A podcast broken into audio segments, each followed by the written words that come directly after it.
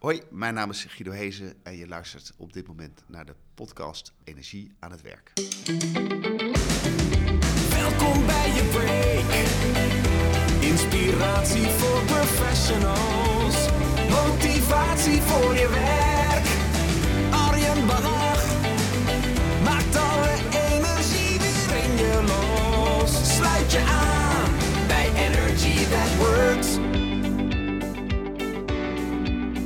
Ja, superleuk dat je er weer bij bent. Een nieuwe aflevering van de podcast Energie aan het Werk. En ik vind het gaaf dat je luistert. Ook welkom aan de nieuwe mensen die de podcast hebben weten te vinden. Want de luistercijfers die groeien nog elke keer. En dat vind ik prachtig om te zien.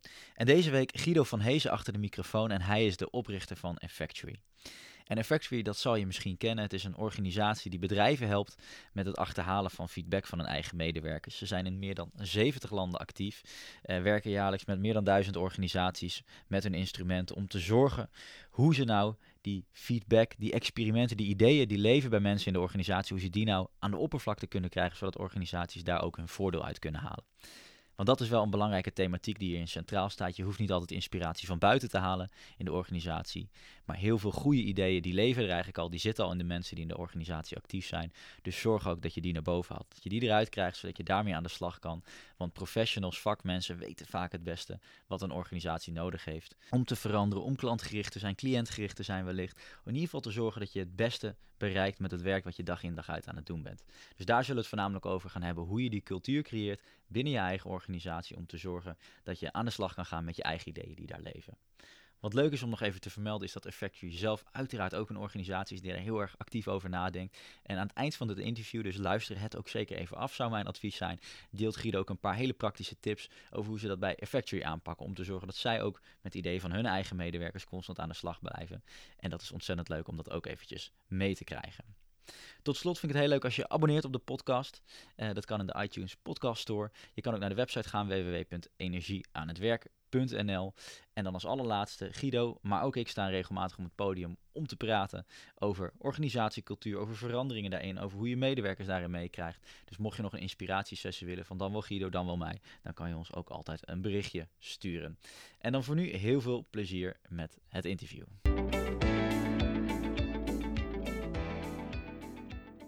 Ik zit hier in het uh, prachtige Amsterdam aan de grachten tegenover Guido. Goedemorgen. Goedemorgen. Uh, mijn eerste vraag en jouw bekende vraag voor de luisteraars is: waar ben jij tot dusver het meest trots op in je werk? Poeh, uh, ik ben op, op, op, heel veel dingen trots.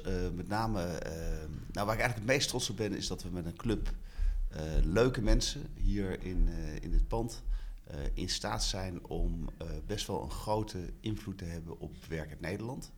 En heel veel organisaties eigenlijk aan te raken om, uh, om op een goede manier, een energieke manier met mensen om te gaan.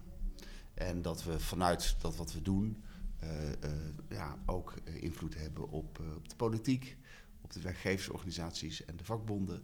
En ja, eigenlijk op het arbeidsklimaat in Nederland. Dat we een beetje meehelpen met het Rijnlandse model hier. Ja, Wauw, dat, dat, dat, dat, is al heel veel reden voor vervolgvragen. En, en mooi, want jullie, uh, wat jullie eigenlijk doen is het uh, uh, faciliteren eigenlijk van medewerkers tevredenheid, betrokkenheid. Ja, tevredenheid vind ik altijd een beetje een enge, enge term. Hè? Ja. Tevredenheid, dat straalt ook iets passiefs uit. Hè? Want de medewerker kan de hele dag op de rand van zijn bureau zitten en heel tevreden zijn. En kletsen met een andere hele tevreden medewerker. Maar dat is nog geen goed nieuws voor de organisatie. Ja. Uh, maar wat we doen is we halen feedback op van medewerkers om organisaties van binnenuit uh, te verbeteren. Mm -hmm. uh, omdat medewerkers boordevol ideeën zitten van wat er handiger, slimmer, sneller, klantgerichter, goedkoper kan. en dat proberen we dus naar boven te halen en daar de organisatie mee te, mee te voeden. en dat eigenlijk gedurende hun hele, ja, wat je dat, dat noemt employee journey, zeg maar. Dus vanaf het moment dat ze binnenkomen met onboarding, pre-boarding, onboarding, uh, uh, tot dat ze daar zitten. Mm -hmm. Met medewerkersonderzoek, met teamdynamiek meten, met dynamiek tussen teams meten, interne klanttevredenheid of faciliteren diensten meten. Tot het moment dat ze weggaan met, met exit-interviews. ja, en je geeft aan dat, dat door het werk dat jullie doen gelijk al een beetje het werklandschap in Nederland verandert. En zelfs ja. politiek er wat verschuivingen kunnen plaatsvinden. Ja. Zou je dat kunnen toelichten? nou ja, je ziet dat we... ehm, ja, over, de, over dat, dat laatste, zeg maar, omdat we uh, marktleider zijn op het gebied van medewerkeronderzoek en bij heel veel organisaties uh, binnen zijn, complete sectoren, uh, bevragen. Dus de medewerkers van, van, van, van complete, ja, bijvoorbeeld alle GGZ-instellingen, alle MBO's in Nederland, de hele Rijksoverheid. zie je dat we ook inderdaad soms bij stukken voorkomen in de Tweede Kamer. Op het moment dat het gaat over bepaalde branches of sectoren. Maar dat we ook mogen aanschuiven soms bij, bij overleg tussen werkgevers en werknemersorganisaties. Uh, dat we in bepaalde denktanks zitten, dat we in bepaalde besturen zitten. Ja, dat, dat, dat helpt wel mee met visie verspreiden. Want dat is een heel groot deel van ons werk. Dat is eigenlijk het zendelingenwerk. Van, we zitten bij veel organisaties, we zien wat er werkt en wat er niet werkt. En daarover willen we ook graag andere organisaties informeren. En dat, dat, dat lukt goed. Ja. ja. En, en dan heb je het over, hè, we willen die visie zo graag verspreiden. Ja. Um, ik denk dat die visie misschien wel voortkomt uit de, ook de reden een beetje dat jij ooit dit bent begonnen. Want dit is volgens mij na je studententijd. Ja, het is eigenlijk een beetje een uh, per ongeluk uitvindsel, uh, om het zo maar te zeggen. Uh, maar het is wel, het is, ja, daar is wel een hele duidelijke visie ontstaan dat op het moment dat je medewerkers empowert, dus in een kracht zet en in staat stelt om optimaal te presteren en lekker te werken, ja, dat er eigenlijk een soort magie gaat ontstaan binnen een organisatie. En dat de organisatie daarmee ook echt succesvoller wordt. Ja. En dat is wel, ja, dat is heel mooi om te zien. En dat, dat, daarvoor kom ik wel iedere dag mijn bed uit, ja. Ja, en, en hoe, hoe kan het dat jij op een relatief jonge leeftijd al dacht van... hé, hey, hier zit toekomst in? Want het is al 10, 20 jaar geleden dat, dat, dat jullie dit zijn begonnen, toch? Ja, uh, ja, eigenlijk is het een beetje bij toeval ontdekt. Uh, we hadden een... Uh, we waren klaar met onze studie bedrijfskunde. Toen deden we, wilden we een soort projectenbureautje opzetten met allerlei bedrijfskundige projecten. Ja. Dat varieerde van marketingplannetjes schrijven tot een uh, longlist maken van overnamekandidaten tot procedures maken. En op een bepaald moment uh, kregen wij een opdracht van een, van een lokale Rabobank, Rabobank Apeldoorn. En die wilde de organisatie klantgerichter maken. Ja. En wat we toen, toen gedaan hebben, is eigenlijk heel, heel direct met de medewerkers die dus dat klantcontact hebben, uh, hebben we gesproken. Hebben we gevraagd van, wat vinden jullie klanten belangrijk en zo, hoe gaan we daar achter komen en hoe doen jullie het? En, en dat leidde, dat had, dat, dat had een, vanwege een bepaalde aanpak, namelijk die medewerkers heel erg betrekken bij dat klantgerichtheid had het een enorm effect. En die bank die werd uitgeroepen tot meest klantgerichte bank van Nederland. En ook was het de meest winstgevende bank van Nederland geworden. En dat werd toen breed uitgemeten zeg maar, in, het, uh, lokale Rabo-blad, ja. wat naar al die verschillende bankkantoren ging. En toen kregen wij uh, uh, ja, de volgende dag 36 telefoontjes van banken die zeiden we willen ook datzelfde product hebben. en ja, daar zijn we eigenlijk, dat was een soort accelerator voor groei. En, uh, en, en, en later bedachten wij van ja, hoe kan het nou zo zijn dat dat zo'n succesformule is? En dat had helemaal niks te maken met dat klantonderzoekje wat we deden, maar dat had eigenlijk te maken met het in de kracht zetten van medewerkers, serieus nemen van medewerkers en samen met hen werken aan de klantgerichte organisatie. En uh, daar is eigenlijk het idee ontstaan van ja, daar moeten we gewoon heel veel meer mee doen. Omdat we gewoon zagen dat het een soort magisch werkte. En, uh, en, en, en, zo is eigenlijk uh, ontstaan. Want Daarvoor was het NCBP, dat was een andere naam die we hadden. Mhm. En toen hebben we eigenlijk de switch gemaakt naar Effectrie medewerkeronderzoek. En zijn we daar ons in gaan specialiseren. Ja, en, en dus ook dat klantgerichtheid eigenlijk voortvloeit uit een soort medewerkergerichtheid. Als je die inderdaad in Ja, nou, als je medewerkers empowert, dan, dan, dan zie je dat het klantgericht wordt. En als, als dat niet zo is, dan ja, dan, dan zitten mensen in een soort van, van, van juk uh, gevangen. En zie je dat ze dus ook niet meer echt voor zichzelf uh, gaan denken. Ja. En dan, uh, dan, gaat het, dan gaat het mis. Ja. En, hoe hebben jullie dat dan destijds, toen jullie net begonnen, aangepakt? Want ik kan me voorstellen dat dat toch een beetje de basis is van... jullie hebben eerst een bepaalde gedachtegang over... Hey, we gaan zo klantgerichtheid een beetje bevorderen... of de medewerkers een stem geven. Ja. Wat, wat, wat hebben jullie toen gedaan, toen jullie net begonnen?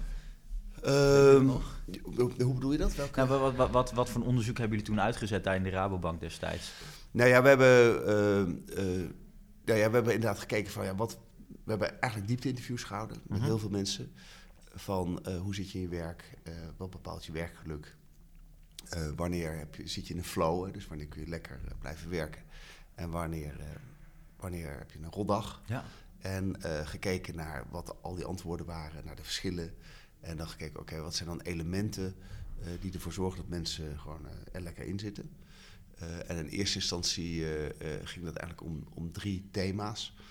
dat was betrokkenheid. en de betrokkenheid heb je in je werk.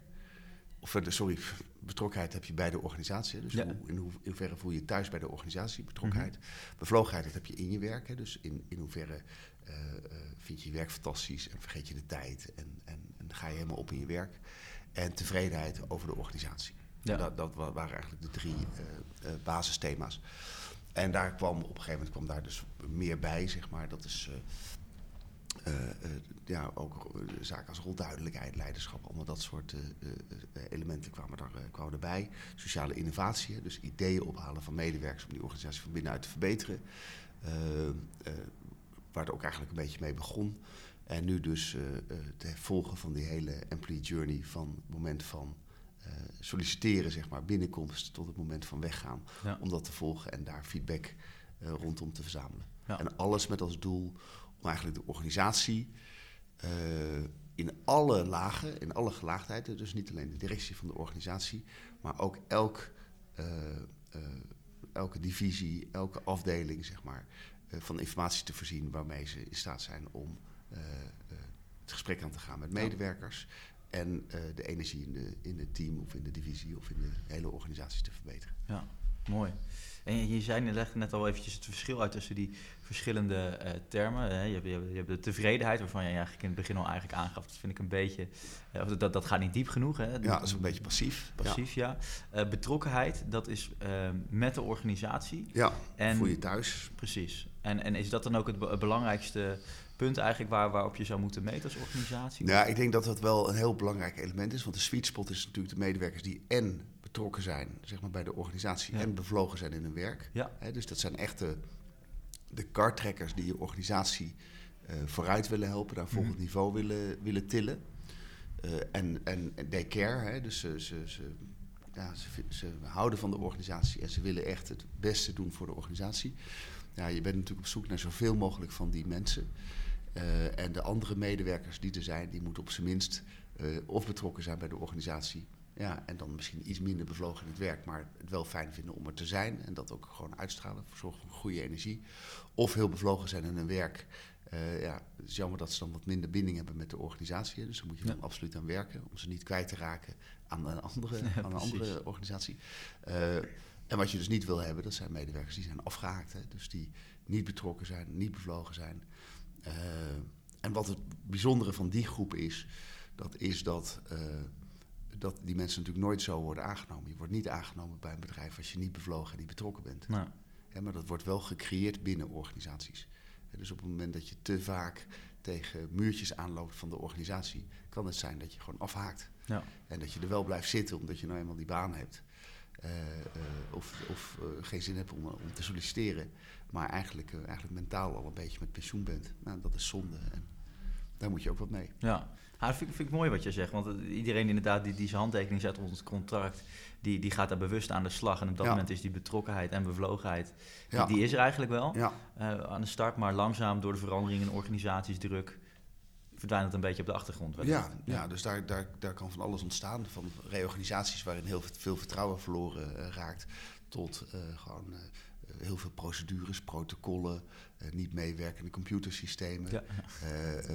een vervelende manager. die kan er allemaal voor zorgen dat de medewerker langzaam afhaakt. Ja, en daarom is het ook best belangrijk om te, om te, volgen hoe het gaat met die medewerker in die organisatie ja.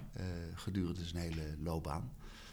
En wat, waar, waar, we nu ook steeds meer achter komen, is dat hele onboarding. dus dat er zo ontzettend veel, met 90% van de, van de medewerkers bepaalt in het eerste half jaar of ze, of ze bij die organisatie zijn om langer te blijven of uh, vluchtig. Ja. dus binnen het eerste half jaar, zeg maar, vertellen, vertelt de medewerker op een feestje tegen zijn vrienden... van nou, ik ben er eventjes om even wat te leren, om even die cursus mee te pikken en weer door te gaan. Mhm. Of ik ben er omdat ik het een fantastische organisatie vind en daarbij langer wil blijven.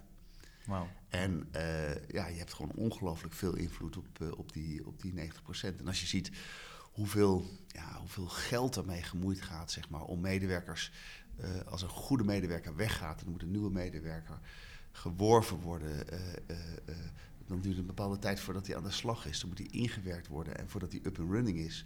En als je ziet wat daarin omgaat, dan is het ongelooflijk belangrijk om zoveel mogelijk van die medewerkers eh, goed terecht te laten komen. Ja, Ja, dat is ja, ook een onderschat iets. ja, ja de, de- inderdaad. De euro's die ermee gemoeid zijn. En ehm, als we nou even gaan kijken, want eh, jij hebt natuurlijk heel veel kennis van het werkveld in Nederland. Eh, jullie werken bij eh, zo'n beetje al, elke verschillende branche, zijn jullie wel aanwezig. Ja. Ehm, wat, wat zie je eigenlijk misgaan bij organisaties die hier te weinig aandacht aan geven? Aan deze... Ja, je ziet gewoon verschillende soorten organisaties. Nou ja, wat je gewoon ziet is dat de productiviteit ontzettend eh, eh, veel minder is Ja. bij organisaties waarbij medewerkers zich naar hun werk slepen om daar eh, hun ding te doen. Of dat je een organisatie waar medewerkers ja, met, met, met, met energie en passie bezig zijn om die doelen van de organisatie zoveel mogelijk te vervullen. Ja. Dat, dat scheelt gewoon enorm veel. Maar je ziet gewoon nog heel veel, met name wat kleinere organisaties in, eh, in Nederland, waar, eh, waar bijvoorbeeld een hele dominante of narcistische eh, baas of eigenaar eh, zit, eh, die medewerkers eigenlijk nauwelijks ruimte geeft, eh, eh, voor ze beslist. eh, en ze eigenlijk alleen maar inzet als handjes hè, of Ja. als mensen om, eh, om te werken. Ja, je ziet dat daar eh, eh, ontzettend veel potentie verloren gaat. En je ziet dat die bedrijven ook eh, een beetje ingehaald worden Ja. door organisaties die beter met de mensen omgaan. En, en, eh, en dan zie je ze in een kramp raken. eh, en nog meer verstart bezig zijn met het met harde hand managen van de medewerkers. En dan zie je dus dat ja, medewerkers als kikkers in een kruiwagen Ja. zeg maar, weggaan. Ja, en dat, dat is heel slecht nieuws. En dat kun je gewoon ondervangen door op een andere manier met mensen om te gaan. Ja. Maar die, die rol van leiderschap is dus ook wel vrij essentieel, zeg je. Ja, het is essentieel. Er zijn eigenlijk twee, eh, eh, wat we noemen, eh, fundamenten eigenlijk voor, voor bevlogen betrokken medewerkers. Het eerste fundament is dat je een aansprekende richting hebt. Dus Mhm. dat je eh, duidelijk maakt wat je toegevoegde waarde eigenlijk in de maatschappij is Mhm. als organisatie. Dus welke rol heb je te vervullen? Wat is je missie? Een betere, meer praktisch eh, eh, iets is dat, dat het het antwoord is op de vraag: waarom zouden we onze organisatie oprichten als het niet al bestond? Ja, mooi. Hè, dus dat is eigenlijk een vraag die in elke directie of elke raad van bestuur zou kunnen vragen. Ja. Waarom zou de organisatie oprichten als het niet al zou? Dat antwoord, zeg maar, dat is in feite wat je toe te voegen hebt aan de wereld. Ja. Medewerkers moeten dat weten. En dat antwoord kan niet zijn, hè, dus wat is het doel van je organisatie? Eh 1,2 miljard omzet maken met een bottom line resultaat van 30 miljoen. Dat is Ja. niet het antwoord, zeg maar. Het antwoord is, wat, wat heb je te brengen? Wat heb je toe te voegen? Daarvoor komen medewerkers hun nest uit. Dus dat is element één. En het tweede is een, eh, een aansprekende eh, eh, directie die, eh, die rondloopt en die uitdraagt waar de organisatie voor staat. Ja. Dus het heeft toch wel echt iets te maken met dat je en een goede richting moet hebben en die richting eh, eh, vaak genoeg moet vertellen en uitdragen. Ja, interessant. Want volgens mij is het, nou ja, ik kom ook nog wel eens organisaties tegen. Ik was laatst toevallig nog op, ik, eh, stuit ik op een, eh, op een eh, eh, mission en strategy pagina van een groot bouwbedrijf, waarin de missie letterlijk ver, ver- verwoord stond als shareholder return. dat daar allemaal om draaide. nou, dan kom je niet je bed Die vooruit. tijd hebben we gehad. Ja. Ja, maar wat, wat, wat ik wel zie, dat, dat fascineert me nog wel, is dat eigenlijk steeds meer organisaties weten dat die purpose, hè, start with why van Simon Sinek, dat, dat dat steeds belangrijker wordt. Wat is je toegevoegde waarde? Ja. Maar dat het door zo ontzettend weinig professionals in een organisatie ook daadwerkelijk wordt gevoeld. Ja, ja, en dat komt eh, heel vaak doordat het ook gewoon te weinig wordt uitgedragen. Ik moet zeggen dat ik het zelf ook lastig vind. Wat we vaak tegen, tegen ook directies zeggen is van je moet het wel een keer of dertig per jaar aan medewerkers eh, uitdragen. En vaak wordt het een keer verteld bij de nieuwjaarsreceptie. Ja. En eh, dan hebben ze zoiets van, nou, ik heb het toch verteld. En dan staat het misschien eventjes op de website, die medewerkers eigenlijk zelf bijna nooit lezen. En dan zeggen ze, ja, dat mag toch als bekend worden verondersteld. Maar ja, nee, dan heb je het nog 29 keer te weinig eh, Ja. verteld. Dus eh, het is belangrijk dat je het, dat je het, dat je het, eh, dat je het hebt. Hè, dat je dat goede antwoord hebt hè, op die vraag, waarom zou je zelf oprichten, als die er zou bestaan. Het tweede is dat je dat dus deelt en dat je dat dus vaak deelt. Ja, heb je Kracht een van tip herhaling. Hoe, hoe, hoe je dat op een goede manier zou kunnen delen? Eh, nou ja, eigenlijk is het, eh, is het eh, gewoon een kwestie van rondlopen, je gezicht laten zien. eh, aan medewerkers vragen van, goh, hoe gaat het? Wat ben je aan het doen? Waar ben je mee bezig? en dat je zelf ook aangeeft, nou, ik ben hiermee bezig. dit zijn de dilemma's waar ik mee zit, waar ik tegenaan loop. Dus dat je je gewoon menselijk toont. En dat op het moment dat je maar even de kans krijgt, dat je aangeeft van, goh, waarom doen we wat we doen? Ja. En wat ik een heel mooi voorbeeld vond, recent was ik bij een, een directeur van een, van een groot ziekenhuis. En, uh, en die scoorde heel erg goed op een bevlogenheid en betrokkenheid. Dus ik vroeg aan hem van, ja, wat is het verschil? Wat doen jullie anders dan anderen? En uh, hij wist het niet zo goed. Hè. Ja, we doen gewoon, we gaan gewoon uh, als mensen. Hè. Dat Mhm. veel vaker die mensen die, die, die heel goed zijn in, in bevlogenheid, betrokkenheid, die hebben niet zo'n niet zo'n idee wat ze doen. Nee. Die ja, we gaan toch gewoon normaal met mensen om. Hè. Dus, eh, terwijl de anderen zeggen, nou die handjes, of eh, die snappen het niet. Of die, hè, dus die, die, die zie je gewoon een soort onderschatting van, van medewerkers. Hè, Ja. De mensen die het niet halen. Maar de mensen die het wel halen, die snappen niet zo goed waarom dat ze, dat ze zo goed zijn. Ja. Maar wat bleek, eh, later in het gesprek zei hij van... Goh, eh, ja, wat ik doe is, ik heb heel veel eh, stakeholders. Hè, als ziekenhuisdirecteur, dat is ongeveer de meest complexe baan eh, van, eh, van Nederland. Heb je heel veel stakeholders. Je hebt de, eh, en de verzekeringen, en de financiers, en de patiëntenraad... en de, kli- eh, hoe noem je dat? de ondernemingsraad, en de medewerkers... en de managers, specialisten. En, nou, je hebt hele, ontzettend veel stakeholders. En wat hij zei van, ik heb ongelooflijk veel vergaderingen... En wat ik doe is aan het eind van iedere vergadering stel ik de vraag: Goh, en wat heeft de patiënt aan deze vergadering gehad? Ja. En hij zei: alleen al door die vraag te stellen, heb ik een soort eh, turnaround gemaakt, zeg maar, waarbij de focus van die vergadering uiteindelijk is van: oké, het gaat erom dat wij patiënten goed Ja. bedienen, hè? dat wij ze beter maken of dat we ze goed begeleiden. En, eh, eh, en hij zei, ja, dat heeft heel veel bewustzijn eigenlijk in de organisatie gecreëerd. Zowel bij de leveranciers, de financiers, als de medewerkers, als de patiëntenraad enzovoort. Van oké, het gaat uiteindelijk om, om, om wa- waar we mee bezig zijn. Ja. Nou, Mooi. Dat vind, ik, dat, vind ik, dat vind ik mooie voorbeelden om, eh, om te zien. Ja, want juist in de waan van de dag vergeet je wel eens inderdaad. Ja, het- ik denk, denk dat, eh, dat een heel groot deel van de eh, ziekenhuisdirecteuren veel meer bezig is met het kloppend krijgen van de begroting. Ja. Of nu de paniek op de arbeidsmarkt om aan mensen te komen, dan, dan daadwerkelijk inspireren van waarom we doen wat we doen. Ja. Naar hun eigen me- medewerkers. Ja, terwijl dat uiteindelijk, als je daar wel goed op inzet en, en, en dat goed uitstraalt, dat uiteindelijk ook de war on talent hebben die dan een beetje leeft, ook in die sector. Ja. eh, dat uiteindelijk steeds meer talent ook zeggen van nou, dat is een organisatie waar ik graag voor wil werken, want dat is ja, dat klopt. Ja, nee, want ik zie bijvoorbeeld nu in de. Gisteren was ik bij een, eh, bij een, eh, een, een, VVT-instelling, dus verpleegverzorging, thuiszorginstelling. En, en die, die, die heel goed scoort, beste werkgever is. En zij gaven aan dat, dat, dat, dat ze vier eh, mensen op de wachtlijst bestaan om bij hun te komen werken. Terwijl ik soms andere eh, eh, VVT-instellingen spreek. Die zeggen van ja, wij moeten hele afdelingen sluiten, want wij kunnen geen mensen krijgen Ja. om die te bemannen. Ja. dat is nu killing voor een organisatie als je gewoon de handel die er is niet kan draaien omdat je gewoon te weinig mensen hebt.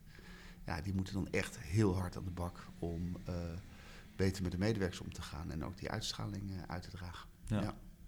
En dan heb, heb je een, eh, mooi aanstekelijk doel of een missie waar je als organisatie voor, eh, Ja. voor wil gaan. Je hebt, een, je hebt een directie of leiderschap die dit in ieder geval uitdraagt en dat ook vaak genoeg herhaalt. Eh, Ja. Misschien wel 30 keer, zeg jij. Maar dat is inderdaad, en dat, dat is ook een beetje waar jullie natuurlijk bekend om zijn. Belangrijk dat je de medewerkers ook een stem geeft en zorgt dat ze ook de ruimte krijgen om processen te verbeteren. Ja. Kan je eens delen hoe je dat goed kan inrichten en wellicht ook hoe jullie dat belangrijk vinden? Ja, nou de kunst is eh, van medewerkers is dat ze eh, verschillend zijn. Elke medewerker is anders. De Ja. ene die heeft wat meer sturing nodig, de ander die wil wat meer autonomie hebben. De ene denkt dat hij autonoom kan werken en kan dat niet. De ander die denkt dat hij dat nog niet kan, maar die kan heel goed autonoom werken. Dus geen mens is anders. Maar de kunst is eigenlijk dat je een, een hele goede mix weet te creëren eh, van vrijheid en verantwoordelijkheid. Ja. Dus dat je medewerkers eh, een stuk vrijheid geeft om hun werk eh, te doen en in te richten. En ook voldoende verantwoordelijkheid geeft. En dat, dat dat eigenlijk de twee benen zijn waar de medewerker op, op staat. Waarbij de, heel vaak wordt gedacht, als je het hebt over een beetje autonoom organiseren of medewerkers vrijheid geven, dat het dus eh, complete chaos wordt. Dus die vrijheid is geen vrijblijvendheid. Nee. Dus de, de best presterende organisaties die geven best veel autonomie aan de medewerkers, voor zover ze dat aankunnen. Eh gecombineerd met hele goede managementinformatie die in feite volgt wat er gebeurt. Ja. Dus dan is vrijheid is niet vrijblijvendheid. Eh, en medewerkers ervaren dan voldoende verantwoordelijkheid. En dan krijg je dat het, het werken een beetje als het spelen van een spel wordt. Een spel wat je goed wil spelen, een spel wat je wil winnen. Je krijgt feedback over wat je doet. En ja, dat is, dat is wel, dat, dat, dan, dan, dan begint het te stromen, dan werkt het heel goed. En als je het dan hebt over de cultuur van een organisatie, uh, dan is het de kunst om eigenlijk altijd te werken, en daar proberen we heel erg aan mee te werken met de producten die we hebben, uh, aan een, een feedbackcultuur gecombineerd met een waarderingscultuur. Ja. Dus dat mensen snel feedback krijgen. Uh, snel terugkoppeling krijgen over wat er werkt, wat er niet werkt, wat goed gaat, wat niet goed gaat. In combinatie met uh, voldoende waardering als, het, uh, als, het, uh, als we goed bezig zijn. Ja, want die waardering is ook een heel belangrijk aspect. Dat is een heel belangrijk aspect. Dat is heel lastig in een zelf, in wat meer zelforganisatie. Ja. want die waardering, dat was natuurlijk een soort van zelfsprekendheid op het moment dat je een manager hebt. En ja. geeft een schouderklopje, zegt heb je goed gedaan. En die gaat ook over je beloning, dus dan weet je waarvoor je doet. Dat is heel gericht. Je weet van nou, voor die persoon ben ik, ben ik bezig. En op het moment dat je dat minder hebt, dan moet je dat meer uit elkaar halen. Ja. Uh, en dat is uh, altijd een issue. Dus ook bij ons bedrijf is dat uh, eigenlijk permanent een issue. Het gevoel van waardering van medewerkers. Omdat ze dat van elkaar moeten krijgen. Ja. Maar dat betekent wel dat je daar heel goed en permanent aan moet werken. Ja, ja. Cruciaal. En, en, en, en is er dan ook een manier hoe, hoe je dat goed kan inbedden in je organisatie? Hebben jullie daar iets voor? Ehm, ja, zelf hebben we daar wel wat instrumenten voor die we nu aan het uh, piloten, aan het testen zijn, zeg maar, voordat we die op de markt aan het brengen zijn. Dus mm -hmm. misschien iets te vroeg om daarover te hebben. Ja. Maar het gaat, er, het, het, gaat er wel om dat je, ja, als je, in feite is als je je, je managementinformatie goed inricht en daar ook de elementen, eigenlijk is de, de, de managementinformatie die je in de organisatie gooit, is eigenlijk de informatie waarvan je wil dat, dat het gedrag bepaalt van medewerkers. Ja om voor onszelf maar even een voorbeeld te noemen. Bij ons is uh, de, de, de, de, klantervaring is het allerbelangrijkste. Ja. Wij zeggen als die klantervaring is voor ons belangrijker dan winst. Want als die klanten uh, een goede uh, ervaring hebben, dan blijven ze klant. Dan worden ze voor nieuwe klanten en dan komt die winst eigenlijk vanzelf. Ja. Dus daar sturen we heel erg op. Als we zouden sturen op winstgevendheid, zou het best kunnen zijn dat, uh, dat klanten iets in hun mik geschoven krijgen wat ze niet willen, Ja. alleen maar omdat we dan zoveel mogelijk winst maken. Dus als je daar, als je dus de verkeerde elementen uh, uh, gebruikt, dan gaat het, dan gaat het mis. En de kunst is dus dat je daar, ja, daar, daar goed mee omgaat. En dat je dus die waardering uit de juiste elementen gaat halen. Ja. Dus dat je ja, de juiste ja, stuurinformatie gebruikt. Ja. Mooi. En, en, en heel veel organisaties, uh, daar is wel een bepaalde vorm van uh, ruimte geven aan, aan medewerkers. Of uh, ze mogen hun stem laten horen Ja. en Ja. reden of mogelijkheden Steeds om feedback te geven. Ja. Gelukkig. Ja. Maar ehm, dan vervolgens, en ik heb zelf ook wel eens bij, bij besprekingen gezeten. ehm, en, dan- en dan, dan krijg je de cijfers terug en dan is de volgende vraag, ja, wat gaan we hiermee doen? Ja. En dan zie je dat die, die opvolging heel lastig blijkt. Hoe, hoe kan je dat Ja, omgaan? Nou ja, kijk, de, de- de- het begint natuurlijk met het heel, eh, heel ver distribueren in de organisatie. Dus dat je dus niet een rapport schrijft als wij medewerkeronderzoek doen voor de directie en eh, dat we het dan aan de directie eh, overlaten wat ze ermee doen of niet. Eh, dat was vroeger wel een beetje het geval, ook ons product. Waar we toen ontzettend van baalden. Dat was dat we dan bijvoorbeeld medewerkeronderzoek deden bij een bedrijf. En dan spraken we op een feestje een medewerker van dat bedrijf. En die zei, goh, jullie hebben medewerkeronderzoek bij ons gedaan. Maar eh, doen jullie, eh, koppelen jullie ook resultaten terug? Of doen jullie daar iets mee, zeg maar? Oh ja. En dachten we van, ja, wat de fuck gebeurt er? Dus eh, eh, nou, dat hebben we eigenlijk veranderd. Vanaf, vanaf dat moment hebben wij de, de resultaten heel decentraal gedistribueerd. Tot in het diepste niveau van de organisatie. Dus de directeur die krijgt te zien hoe het gaat met de totale organisatie. De divisiedirecteur hoe het gaat met zijn divisie, zeg Ja. maar. En de onderdelen ervan ten opzichte van andere divisies. En de afdelingsmanager die krijgt dan te zien van hoe het gaat met de afdeling enzovoort. En de medewerker krijgt te zien hoe die er zelf in staat. En hoe het zijn afdeling eh, performt ten opzichte van de totale organisatie. Dus we distribueren het meteen heel erg diep. Ja. En dat is eigenlijk een soort van zelfsprekendheid geworden. Dus we zeggen tegen een organisatie, ja, dat als je medewerkeronderzoek doet, dan is dat part of the game. Ja. En als een organisatie zegt van ja, maar ik wil toch het liefst eerst dat de directie een rapport ziet en dan kijken we wel hoe we het verder uitrollen. Dan kijken ze echt glazen aan en dan zeggen van eh, eh, zo werkt het niet. Nee, zeg maar, nee, hè? Dus van eh, uit welk ei kom jij? Ja. En eh, terwijl het gewoon eh, tien jaar geleden best normaal was dat dat zo gebeurde. Dus de kunst is om het heel decentraal te distribueren. En eigenlijk voldoende uh, hulpmiddelen te geven op ieder niveau. Waarmee ze makkelijk aan de slag kunnen gaan met de resultaten. Dus dat zijn in interventierecepten. Dat is uitleg bij bepaalde thema's. Uh, en ook uitleg van best practices. Hè, ja. Wat er gebeurt op het moment dat er slecht gescoord wordt en hoe andere organisaties dat doen. Uh, wat voor de rest gebeurt is dat we trainers, facilitators hebben die meehelpen met het maken van een behandelplan. Ja. Het is ook zo dat je moet voorkomen, en eigenlijk het behandelplan bij organisatieonderdelen die, waar, waar, waar dus wat er aan de hand is. Ja.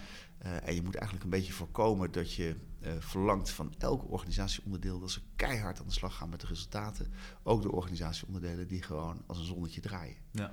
En uh, dat betekent dus dat je ook tegen, wij spreken de helft van de organisatie die gewoon lekker draait, kan zeggen, nou deel de resultaten, vier het, wees blij en ga lekker door. Ja. En je hoeft helemaal niet zoveel te doen. Uh, uh, dat is al een enorme bevrijding ten opzichte van, ja, jij zult aan de slag met de resultaten. En dat je dus in feite alleen de interventies doet daar waar het nodig is. Ja. En dat vinden organisaties heel fijn als ze, als ze daarmee kunnen spelen. Ja, ja, je kan gericht aan de slag. Je kunt heel gericht, ja. dus heel gerichte interventies. En als je dus ziet dat, dat je bijvoorbeeld een organisatie met 40 uh, uh, afdelingen of 40 teams. En drie teams die, die, die lopen niet. En sommige teams lopen als een zonnetje, de andere gaan middelmatig en drie teams lopen niet.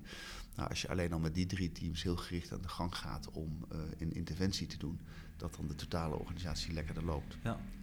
Wat dan vaak gezegd wordt is van uh, appreciative inquiry. Hè, van je moet ook uh, laten zien, hè, je moet ook aandacht geven juist aan de onderdelen die goed lopen. Ja, die kun je dus juist aandacht geven om ze een voorbeeldrol te geven ja. ten aanzien van de afdelingen of teams die niet lekker lopen. Ja, mooi.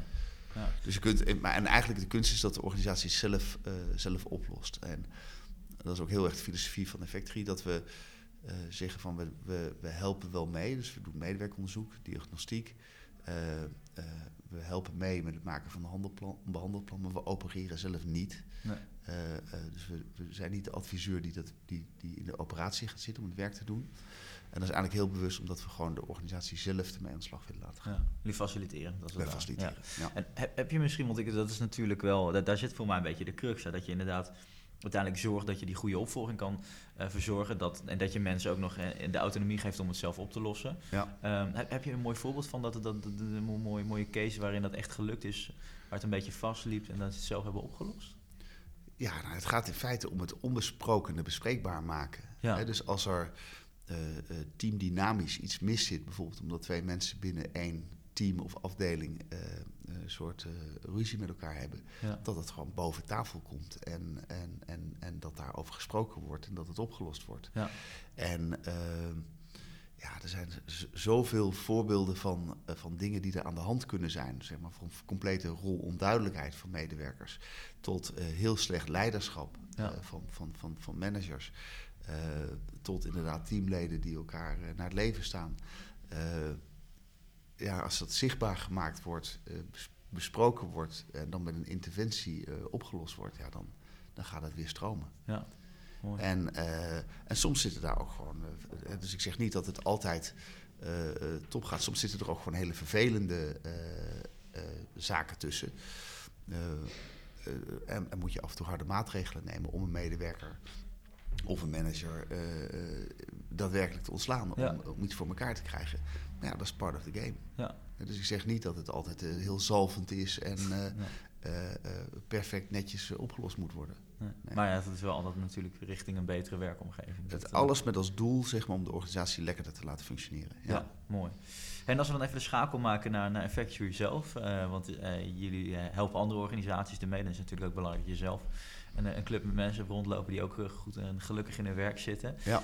Um, jullie hebben natuurlijk ontzettend bewust van hoe je dat kan doen. En hebben jullie gekozen voor we gaan zonder managers werken. Ja. Hoe is dat ontstaan? Ja, nou ik moet allereerst zeggen dat ik niet ben van de school van ieder, ieder bedrijf zou, zou zonder managers moeten werken. Dus ik ben niet van de, van de extreme Ricardo Semler aanhanger die zegt van nou elke organisatie zou dat moeten doen. Uh, dus laat ik dat even vooropstellen.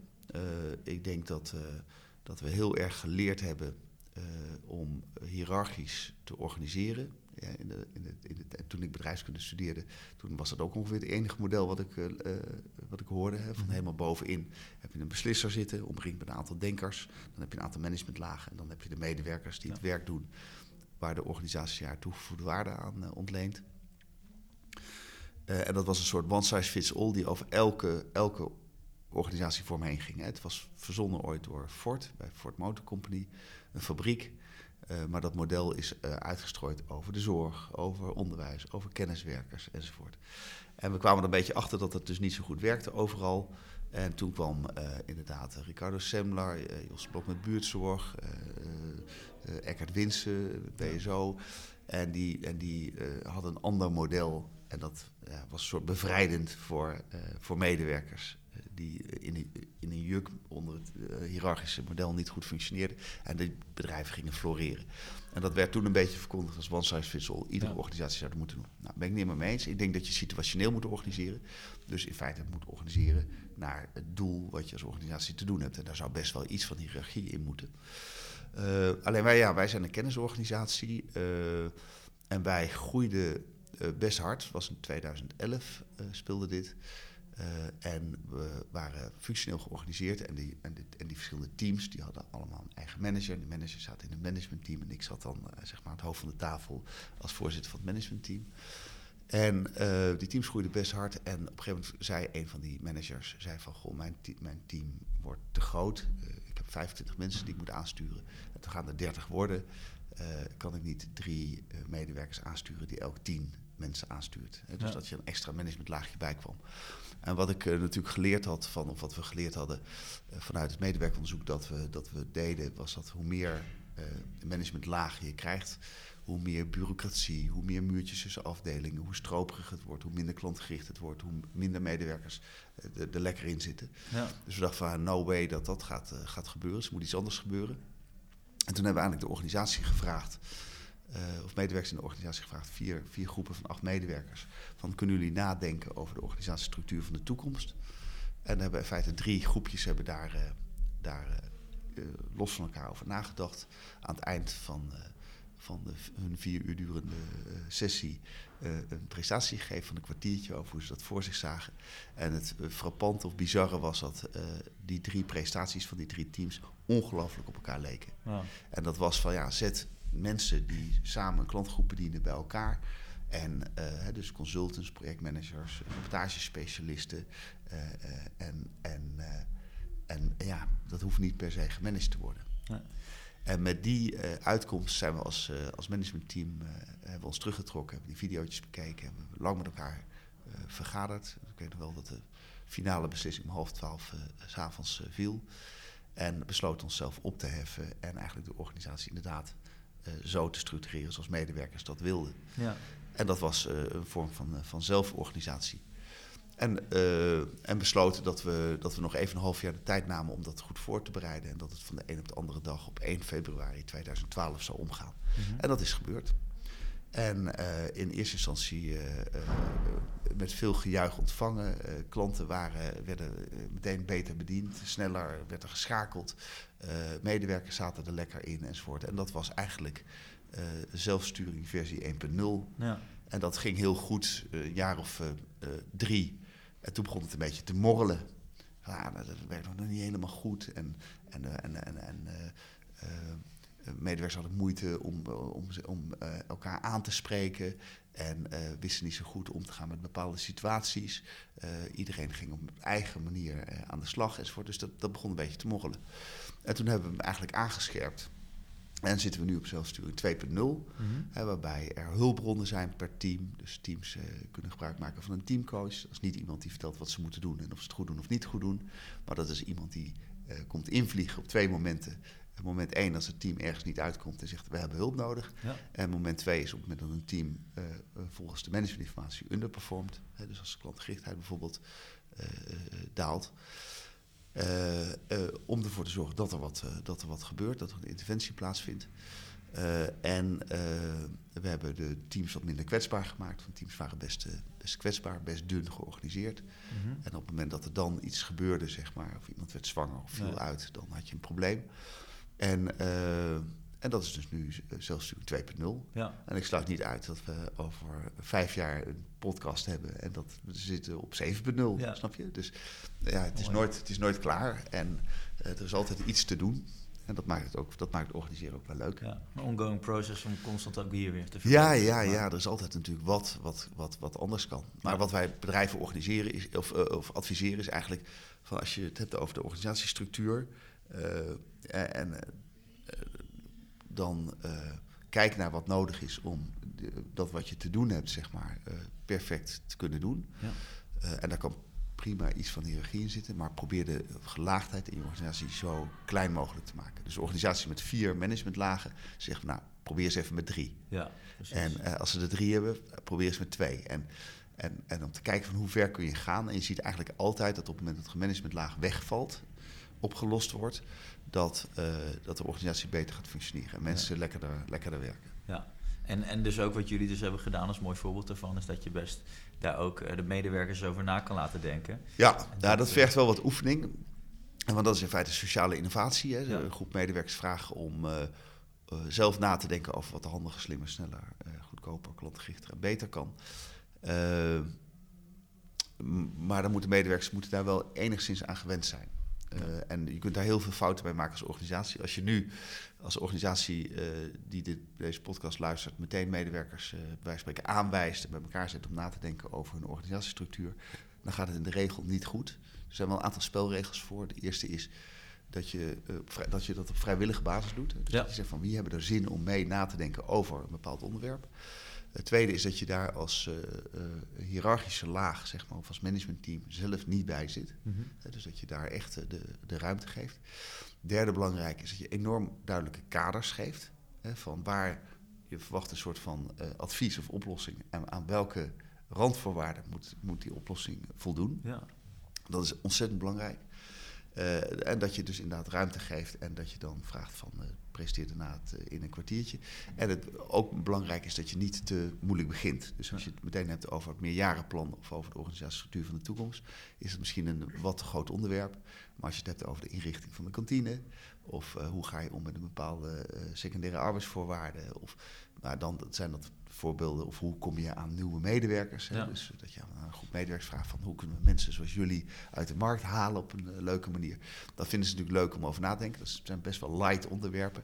En die kun je dan telkens iets zwaarder maken. En wat je ziet nu bij ons, is dat er eh, eh, clubjes mensen nadenken over primaire eh, en secundaire eh, arbeidsvoorwaarden. Ja. Dat zijn zware onderwerpen. Ja. Maar daar moet je niet mee beginnen. Nee, interessant. En, en dan vervolgens ook weer dat hier de belangrijke crux... dat die opvolging daarvan door een managementteam wel echt serieus wordt genomen. Nou, in feite eh, zeg je van tenzij eh, het advies niet uitvoerbaar is, eh, maar ja, dat zit dus ook in die kaders, of totaal niet kan, maar ja, dat zit ook in die kaders, we het gewoon op, doen Ja. we het gewoon. Ja, Ja. mooi. Dus als bij ons een, een club medewerkers nadenkt over de secundaire arbeidsvoorwaarden van onze medewerkers, dan eigenlijk besluiten ze het gewoon. Ja, dus Ja. we, we nemen het over, eh, omdat de kaders, eh, ja, die zijn gesteld. En als ze binnen die kaders blijven, dan nemen we het gewoon over. ja mooi. Ehm, ik, ik, ik heb er tot slot, eh Guido, nog wat, wat vragen aan jou als, als persoon. Ja. Ehm, vijf vragen. De allereerste vraag is: wie is jouw grootste inspiratiebron geweest? Ja, ik heb er zoveel. Mijn vader is een hele grote inspiratiebron geweest over hoe hij in zijn werk stond, met welke bevlogenheid en betrokkenheid hij bezig was en wat hij eigenlijk in zijn carrière tegenkwam en hoe hij dat heeft beleefd en ervaren. Dus dat is een enorm grote inspiratiebron eh, voor mij geweest, eh, omdat hij ook heel dichtbij eh, stond. Ehm, en voor de rest, ja, ik, ik probeer voorbeelden te halen uit wat ik zie werken en wat ik niet zie werken. Eh, maar wat ik gewoon hele mooie mensen vind om te volgen. eh, dat, zijn, eh, ja, dat zijn echt de, de, grote jongens zoals Nelson Mandela, die vanuit een soort eh, droom en missie dingen doet, bereikt, ongelooflijk veel geduld heeft en, en ergens komt.